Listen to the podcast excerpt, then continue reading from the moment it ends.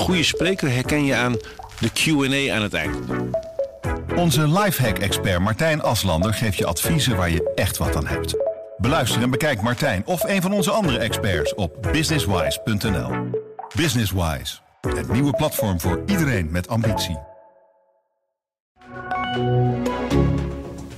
Dit is de AD Nieuws Update met Manuel Venderbos. Het ontbreken van goede en intensieve jeugdzorg zorgt ervoor dat de terugkeer van uit huis geplaatste kinderen vaak lastig is. Als de uithuisplaatsing te lang duurt, lopen vooral jonge kinderen het risico niet meer bij hun ouders terug te keren. Advocaat Mieke Krol houdt zich hier volop mee bezig en maakt zich ook wel een beetje boos. Jouw kantoor heeft uh, dagelijks te maken met deze zaken. Allereerst, waarom en wanneer worden kinderen uit huis geplaatst? Ja, dat is natuurlijk een hele lastige vraag. Uh, wat wij in onze praktijk zien, maar daar kan ik het natuurlijk alleen mee doen op dit moment, is dat je vaak hoort dat ouders denken dat jeugdzorg om de hoek komt kijken als er sprake is van feitelijke mishandelingen. En in mijn praktijk heb ik bijna geen ouders die hun kind feitelijk mishandeld zouden hebben. Waar ik uh, tegenaan loop is dat uh, de GI-instelling of de Raad voor de Kinderbescherming een verzoek tot uithuisplaatsing willen indienen omdat zij van mening zijn dat een ouder bijvoorbeeld niet emotioneel kan aansluiten.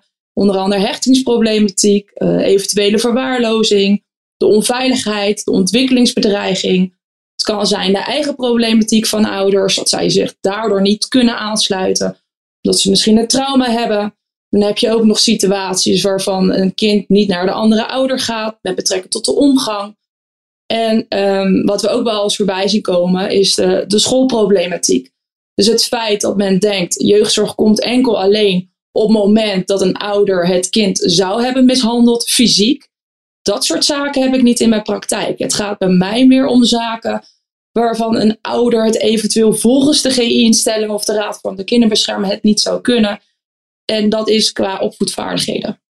En, en dat is dus uh, het eerste probleem. Maar er is er nog een probleem, want dan duurt het vaak lang. En dan uh, uh, is, dus, uh, is het dus zo dat die kinderen misschien wel voor goed, goed uit huis worden geplaatst. Waar wij tegenaan lopen in dit soort zaken is dat als een kind aan huis geplaatst wordt, en wat voor reden dan ook, dan is de tijd eigenlijk je, je ergste vijand. In die zin dat uh, een kind doorgaat hechten of gaat hechten aan pleegouders. En die kan niet wachten. En als er nou een kind uit huis wordt geplaatst en je hebt een wachtlijst van zeg maar vier, vijf maanden om te gaan onderzoeken of een ouder het kan, maar je hebt een babytje van twee maanden, waarvan de richtlijnen aangeven dat de aanvaardbare termijn om en nabij zes maanden is. Kan je dan nog zeggen dat een ouder een kans heeft gehad en gekregen om ervoor te zorgen dat dat kindje naar huis kan? Want dan kom je in de situatie, ja, hoe lang moet het nog gaan duren? Hoe lang kan een kind in onzekerheid verkeren om te weten waar hij of zij mag opgroeien? Ja. En dat is het probleem waar wij tegenaan lopen. Dat als een kind uit huis geplaatst wordt, dat wij dan met ouders continu erachteraan moeten gaan rennen. Van kom, zet de hulpverlening in, doe wat. Want uiteindelijk kom je op een tijdsbestek waarvan je dan, dat er dan gezegd wordt, ja, het kind is nu gehecht aan het pleeggezin. En wat is dan schadelijker? Terugplaatsen of kan het beter het kind opgroeien in het pleeggezin zelf? Tegelijkertijd, uh, jeugdzorg is toch juist voor om dit soort situaties te voorkomen? Ja, en kijk, en ik heb natuurlijk alleen maar situaties in mijn praktijk waar het niet zo goed gaat. De ouders waar het goed gaat, dat zie ik natuurlijk niet. Alleen wat ik zie is dat um, er nu een wachtlijstproblematiek is. Dus de hulpverlening wordt misschien ingezet, maar het duurt te lang. Wat ook vaak, vaak voorkomt, waar ouders tegenaan lopen, is de manier van omgaan met elkaar, de empathiegebrek. Dus de manier, het, het brengen van een boodschap. Ouders zijn angstig. Ze zijn angstig om een kind kwijt te raken. Het is het dierbaarste wat er is voor een ouder. En jeugdzorg is natuurlijk wel om ervoor te zorgen dat die veiligheid er is en ook voor ouders. Alleen het komt nu niet goed uit de verf.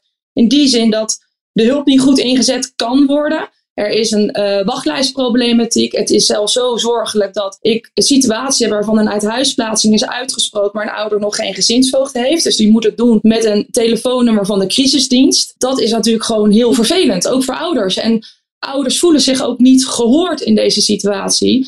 En die zeggen ook van ja, heel veel dingen of situaties wat beschreven wordt in stukken, dat dat niet naar waarheid is of dat er geen goed feitenonderzoek gedaan wordt.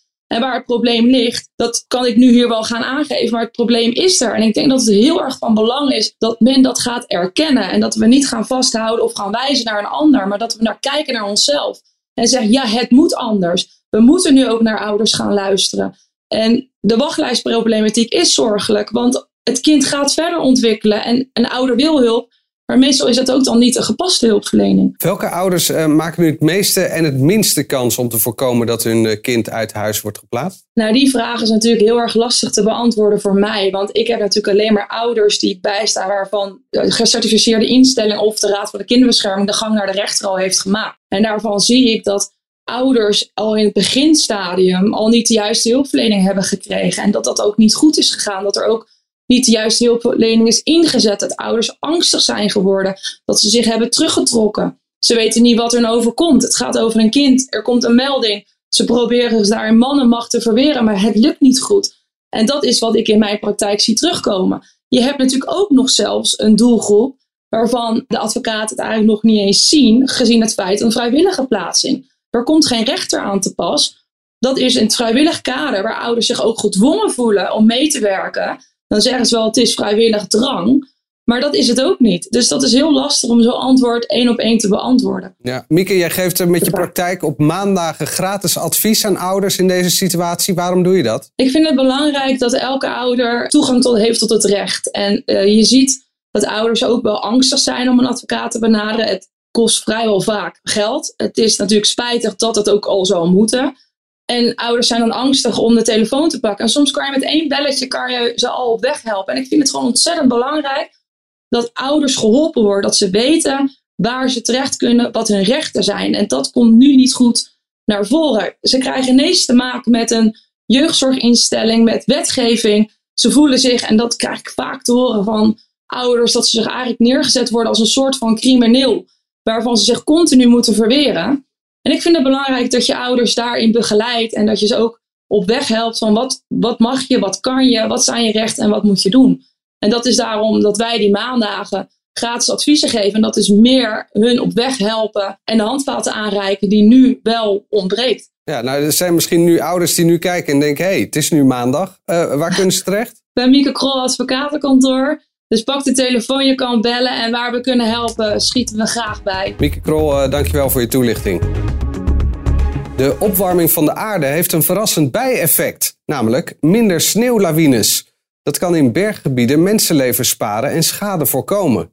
Frank Renaud is onze correspondent in Frankrijk. Frank, je zou denken dat door de opwarming van de aarde juist meer lawines ontstaan. Maar dat is dus niet zo. Nee, dat is vaak het beeld wat ontstaat. Tegenwoordig, als er ergens lawines zijn, en in sommige gebieden zie je ook meer lawines, hè, in de Alpen bijvoorbeeld, dan wordt meteen gezegd: oh, dat is natuurlijk door de opwarming van de aarde. Want sneeuw smelt en dan gaat het dalen, dan zakt het, dan ontstaat er een lawine. Maar dus, dat is dus niet zo. Er is een team van Franse en Zwitserse wetenschappers geweest. Die heeft echt ontzettend langdurig onderzoek gedaan. Die heeft alle cijfers en data van de 18e eeuw tot nu op een rijtje gezet voor de Vogesen. Dat is dat gebergte in Noordoost-Frankrijk. En die komen tot een opmerkelijke conclusie in laaggelegen gebieden, dan hebben we het over tot 1200 meter hoogte ongeveer, zijn er juist minder lawines. Er is één specifiek tijdperk, maar ongeveer de halverwege de 19e eeuw tot begin 20e eeuw, daar zie je dat de opwarming van de aarde daar in de Vogezen anderhalf uh, graad was, dus behoorlijk veel in die periode. En daardoor, door die opwarming, zijn er dus veel minder lawines in dat laaggelegen gebieden zijn geweest. Het aantal lawines is met een factor 7 gedaald zelfs. En de lawines die er waren, waren veel minder krachtig. En de lawines, het seizoen, dus de tijdperk zou ik maar zeggen dat die lawines er zijn,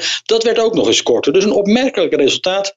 Wat een beetje haak staat op wat vaak gezegd wordt, ja. En betekent dat dat we helemaal van de lawines af zijn? Nee, dat zeggen die onderzoekers ook. Wat zij hebben gezien is dat echt tot die 1200 meter hoogte daar een enorme afname was van het aantal lawines. Maar daarboven is het stabiel gebleven. Of is het in sommige gebieden ook meer geworden. Of wordt het soms meer. Zie je meer lawines. En dat komt natuurlijk door een logisch gevolg. Boven die 1200 meter. Daar ligt nog wel sneeuw. Daar blijft sneeuw liggen. Daar valt sneeuw. Omdat de opwarming van de aarde natuurlijk vooral effect heeft lager. Hoe lager je bent, hoe meer effect van die opwarming. En hoog niet. Dus daar blijven nog wel lawines. Kunnen we wel zeggen dat dit eh, een positieve ontwikkeling is? Ja, het is een hele positieve ontwikkeling. Want er is natuurlijk een belangrijk effect. Als er steeds minder lawines op die lage hoogte zijn. De onderzoekers hebben me zelfs verteld dat er eigenlijk bijna geen lawines meer zijn in de Vorgees tot 1200 meter, dan heeft dat natuurlijk enorme gevolgen voor de mensen die in die lage gebieden wonen. Hè. Er vullen minder slachtoffers door lawines, maar het heeft ook gevolgen voor de dorpen daar, voor de infrastructuur, voor de wegen, voor de elektriciteitsbekabeling. Allemaal veel minder schade kan het hebben.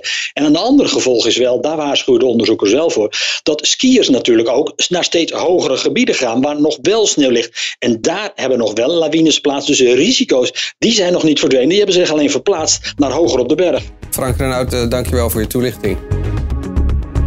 Na stapjes naar Hilversum en Groningen gaat de formatie vandaag weer verder in Den Haag. Er wordt veel gesproken, maar er lekt vooralsnog helemaal niks uit. Slaggever Tobias den Hartog uh, volgde de formatie vanzelfsprekend.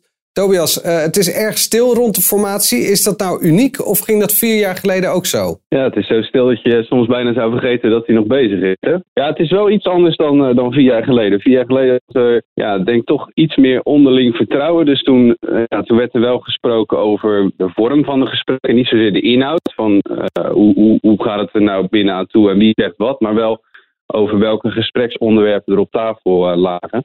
Ja, en zelfs dat uh, durven ze nu niet aan, want dan gaan wij natuurlijk lastige vragen stellen als uh, is er al gesproken over abortus of euthanasie, hè, onderwerpen die binnen deze coalitie best wel eens lastig zouden kunnen liggen. Ja, zelfs dat durven ze dit keer niet aan.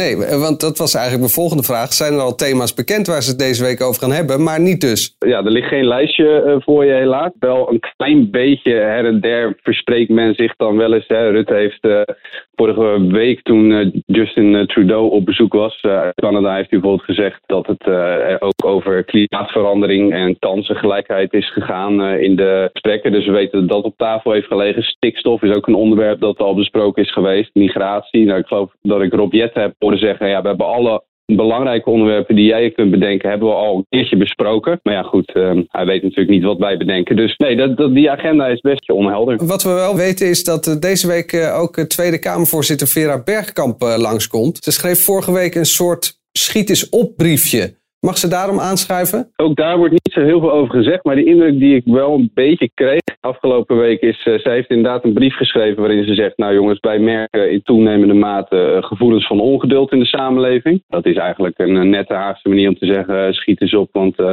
Mensen pikken niet dat het al meer dan 225 dagen duurt. Maar de, de reacties die daarop kwamen, onder meer van uh, ChristenUnie-leider Gert-Jan Segers, die, die zei bijvoorbeeld: ja, er is heel veel tijd vers, verstreken sinds de verkiezingen. Maar eigenlijk zijn we heel lang bezig geweest met uh, ruzieën in de verkenningsfase. Wie gaat nou met wie praten en wie wilde dat aan? Dat heeft eigenlijk heel erg lang geduurd. Ja, en hij wees er eigenlijk op: zo lang zijn we eigenlijk nog niet inhoudelijk aan het onderhandelen.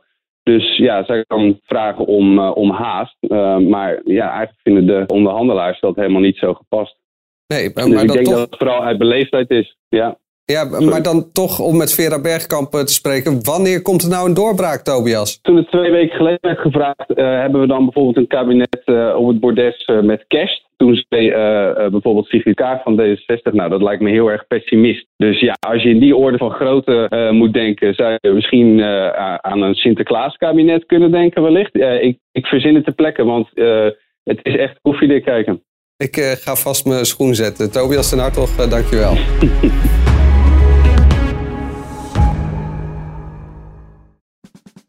Luister ook naar onze podcast Politiek Dichtbij. In een half uur praten we hierbij over de stand van zaken op het Binnenhof.